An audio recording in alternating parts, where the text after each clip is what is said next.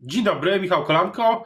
Państwa i moim gościem jest dzisiaj e, Magdalena e, Stopkowiak, szefowa sztabu Władysława Kosiniaka-Kamysza w wyborach e, prezydenckich. Dzień dobry. Dzień dobry panie redaktorze, dzień dobry państwu.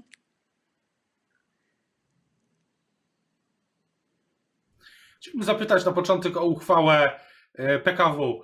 Dzisiaj została rano opublikowana i wszystko zmierza ku temu, żeby wybory odbyły się 28 czerwca. Czy one rzeczywiście się odbędą, Pani zdaniem, pierwsza tura przynajmniej 28 y, czerwca? Dobrze, że uchwała została wreszcie opublikowana, bo minęły już trzy tygodnie od wyborów, które się nie odbyły. I też nie zapominajmy o tym, kto ponosi pełną odpowiedzialność za to, że nie doszło do wyborów 10 maja, że zostały one odwołane tuż przed 10 maja, że nie podjęto wcześniej odpowiednich kroków, żeby w inny sposób wyjść z tej sytuacji. Mm, według uchwały PKW ogłoszonej 10 maja marszałek Sejmu ma dwa tygodnie na rozpisanie nowych wyborów przez to, że kancelaria premiera przez tak długi czas nie publikowała tej uchwały, ona nie miała mocy prawnej, czyli nie biegł ten czas, który ma e, pani marszałek Witek na rozpisanie nowych wyborów. Teraz zaczyna biec te 14 dni. Wszystko wskazuje na to, że kancelaria premiera czekała, choć nie jest to zgodne z prawem, to czekała na e, Senat, czekała na ten ostateczny tydzień w parlamencie, bo to w tym tygodniu ma zostać przyjęta nowa ustawa dotycząca wyborów. No, nie mamy oficjalnej daty od pani marszałek Witek, ale mamy słowa i Jarosława Kaczyńskiego, a przecież wiadomo, że tak naprawdę ono wszystkim w Polsce decyduje, i słowa premiera Mateusza Morawieckiego o tym, że wybory mają odbyć się 28 czerwca, więc myślę, że 28 czerwca jest jak najbardziej prawdopodobną datą. I dobrze, dobrze, żeby wybory prezydenckie wreszcie się odbyły, bo Polacy trochę są już zmęczeni tym niekończącym się serialem o tym, e, kiedy, na jakich zasadach i czy w ogóle odbędą się wybory prezydenckie. Ja przypomnę, że Władysław Kamysz w zeszłym tygodniu zaprezentował plan, drogę wyjścia z tego wyborczego kryzysu i pierwszym z jej punktów właśnie było opublikowanie przez kancelarię premiera uchwały Państwowej Komisji Wyborczej, drugim e, przyjęcie przez parlament ustawy dotyczącej wyborów prezydenckich. I te, te kroki już e, zaczynają się dziać. Trzecim e, ogłoszenie, rozpisanie wyborów przez marszałek Witek. Czwartym równa kampania wyborcza dla wszystkich kandydatów. I piąty punkt, bardzo ważny, deklaracja wszystkich sił politycznych o tym, że po 28 czerwca, czy po innej dacie wyborów, być może 5 lipca, siły polityczne nie będą kwestionowały konstytucyjności tej daty. I to jest bardzo ważne, żeby już dzisiaj rozmawiać o tym, aby po wyborach e, nie stało się tak, że w zależności od tego, kto je wygra, rozpęta się na nowo wojna dotycząca terminu wyborów i konstytucyjności wyborów. Ale, ale myśli pani, że ktoś e, myśli pani, że ktoś e, ma już taki plan, żeby kwestionować te wybory? No bo e, prezes Kaczyński w ubiegłym tygodniu powiedział wprost, że 28 czerwca to termin ostatni możliwy konstytucyjny. Więc jeśli Prawo i Sprawiedliwość ustami swojego prezesa mówi, że 28 czerwca to jest konstytucyjny termin, no to wtedy chyba to logiczny wniosek jest taki, że nawet jeśli wynik wyborów, załóżmy, byłby inny niż oczekiwany, no to i tak e, PiS tego, tej daty już nie może kwestionować. Panie redaktorze, ostatnie tygodnie, ostatnie miesiące pokazały, że niczego w polskiej polityce nie można być pewnym. E, stąd propozycja Władysława Kośniaka-Kamysza, aby już teraz środowiska polityczne zadeklarowały, że tej daty nie będą później kwestionować samej e, prezydenckiej, która się w tym tygodniu być może już rozpocznie, a nawet e, najpewniej na pewno się rozpocznie, to jaki jest plan e, PSL Koalicji Polskiej na tą drugą kampanię? Czym ona się będzie różnić od tej pierwszej? Czy czymś w ogóle? Czy to będzie błyskawiczna kampania, e, bo będzie trwała najprawdopodobniej tylko trzy tygodnie, ale dla nas to jest wciąż ta sama kampania, która rozpoczęła się w listopadzie zeszłego roku, bo Władysław Kosiniak-Kamysz jako pierwszy zadeklarował, że e, chce wziąć udział w wyborach prezydenckich, jako pierwszy zaprezentował swój program. Ten program, e, drugą jego wersję przedstawiliśmy po tym, jak pojawił się koronawirus. To jest program Plan dla Polski związany również z odbudową między innymi gospodarki, gospodarki i ochrony zdrowia po kryzysie związanym z koronawirusem. Także dla nas to jest długi marsz. To nie jest tak, że teraz zaczynamy coś od zera. To nie jest tak, że pojawia się coś zupełnie nowego, bo też nie o to chodzi. Znaczy, ważne jest, aby Polacy wiedzieli, na kogo głosują i żeby to była osoba, która ma stabilne poglądy i było wiadomo, skąd przychodzi, kto za nim stoi i jakie ma plany. I to jest podstawą w tych wyborach. Oczywiście te ostatnie trzy tygodnie będą bardzo dynamiczne w kampanii prezydenckiej. Tak krótkiej kampanii, jak teraz ta dogrywka w najbliższych trzech tygodniach jeszcze nie było. I oczywiście trzeba pamiętać, że cały czas działamy w, w towarzystwie koronawirusa, tego, tych ograniczeń, które ze względów epidemiologicznych są narzucone. Także na pewno nie ma mowy o jakichś wielkich konwencjach, wielkich zgromadzeniach bo to jest narażanie zdrowia i życia obywateli. A jeśli e, mówi Pani, że to jest ta sama kampania po tym, po tym oczywiście, e, co, co wydarzyło się, jeśli chodzi o, o koronawirus, a uważa Pani, że, e, że ten koronawirus w jakiś sposób zmienił politykę, polityków? Był taki moment na początku pandemii, kiedy wydawało się, że zmienił polską scenę polityczną, że jest wola współpracy, ja pamiętam te pierwsze tygodnie po pojawieniu się koronawirusa. Władysław Kosiniak-Kamysz wtedy uczestniczył w każdym spotkaniu, czy z premierem Morawieckim, czy w Radzie Bezpieczeństwa Narodowego, czy w wielogodzinnych konsultacjach z panią minister Milewicz e, dotyczących e, tej pierwszej tarczy antykryzysowej. Tylko, że bardzo szybko okazało się, że strony, ze strony Prawa i Sprawiedliwości, ze strony obozu Zjednoczonej Prawicy to był tylko taki blef i wcale nie chcieli współpracować, e, tylko później i tak przeforsowali różne rozwiązania w wbrew e, zdaniu opozycji.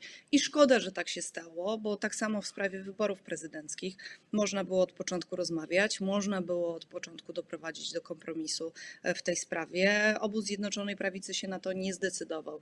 To, co na pewno z koronawirus wprowadził i to, co zmienił, to to, że dzisiaj w programach wyborczych i o tej wizji na, tej wizji na najbliższe lata trzeba pamiętać o nadchodzącym kryzysie gospodarczym. E, w sobotę Władysław Kosiniak-Kamysz przy Wysławicach prezentował zaprezentował swój plan dla Polski, plan na najbliższe lata, e, który dotyczy wielu sfer. Ta sfera gospodarcza, o której mówiłam, to tutaj przede wszystkim wprowadzenie dobrowolnego ZUS-u, e, który ułatwiłby w tak trudnych sytuacjach prowadzenie działalności gospodarczej. To jest zdjęcie barier administracyjnych, propozycja programowa, jeden wniosek, jedna strona, żeby nie powtarzały się już sytuacje, gdzie wnioski do ZUS-u mają 8-9 stron i trudno z nich coś zrozumieć. Także program Punkty za Polskę. Dzisiaj widzimy, że w Unii Europejskiej mamy różne podejście mm, antykryzysowe. W jednych państwach są większe tarcze antykryzysowe, w drugich mniejsze, więc nie mamy tej równości pomiędzy firmami działającymi na terenie Unii Europejskiej.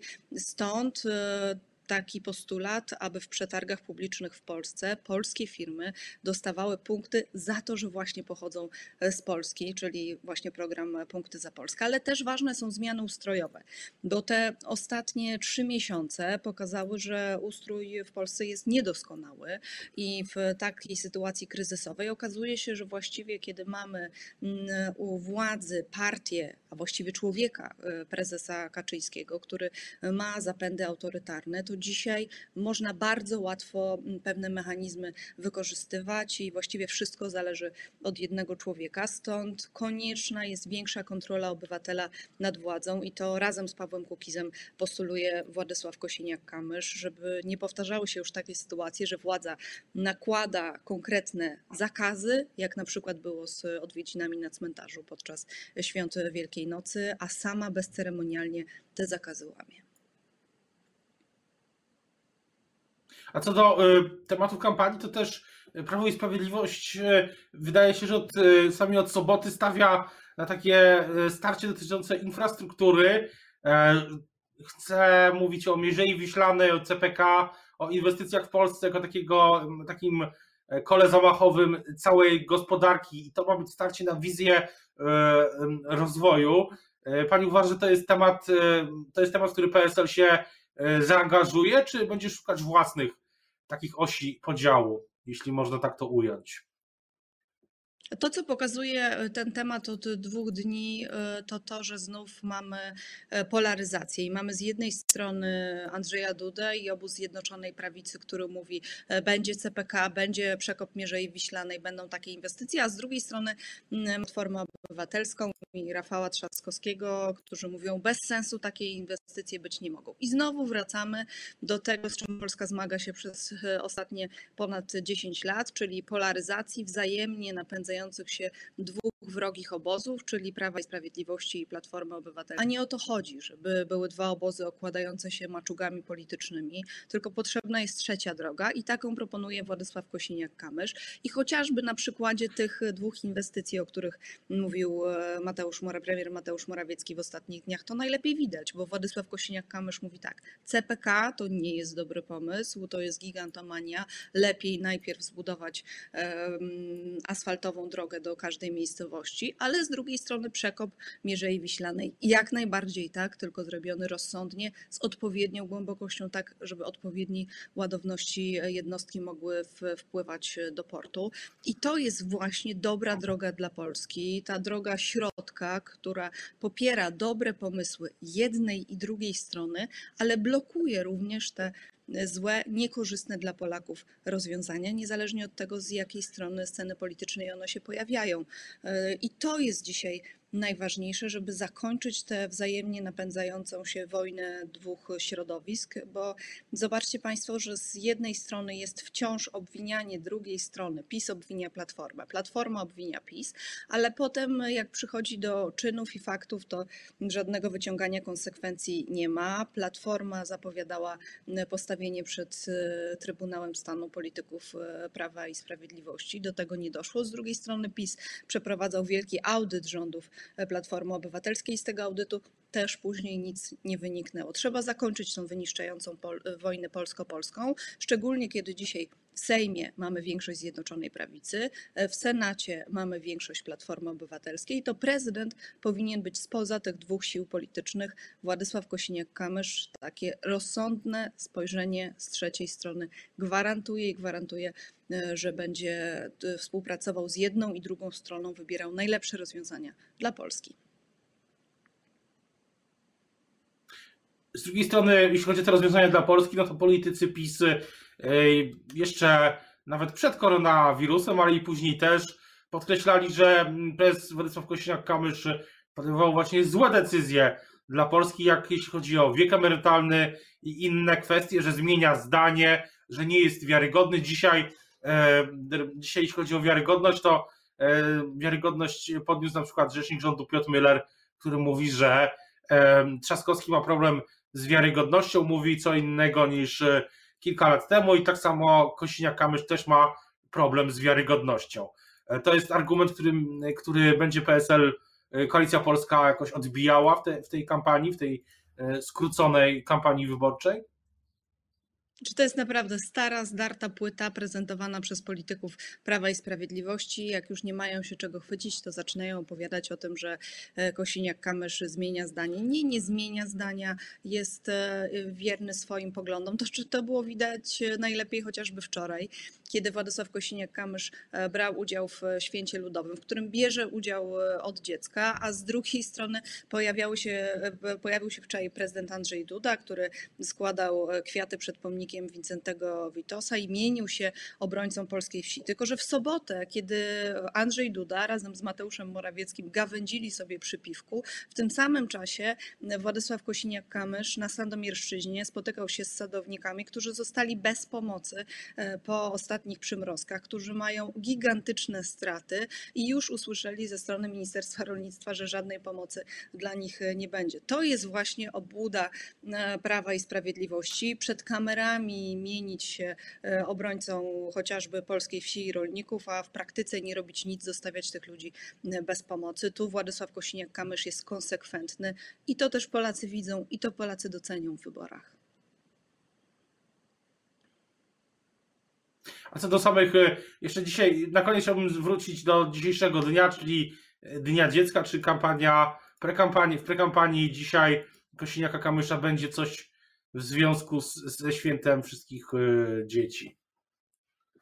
Oczywiście, że tak. Dzisiaj wyjątkowy dzień. E, Najlepsze życzenia dla wszystkich e, dzieci. Ja dzisiaj mojej córeczce e, Antosi też składałam takie życzenia. Przede wszystkim tego, by, byśmy my tak pracowali, żeby Polska była krajem, w którym chce się żyć, żeby była dla nich wspaniałym miejscem, wspaniałym domem. A my dzisiaj z okazji Dnia Dziecka już za chwilę niespodzianka w mediach społecznościowych Władysława Kościniaka-Kamysza, e, kandydat na ta udzielił wywiadu redaktorowi, bardzo młodemu, sześcioletniemu e, Antosiowi. Zapraszam Państwa do obejrzenia tego ciekawego wywiadu.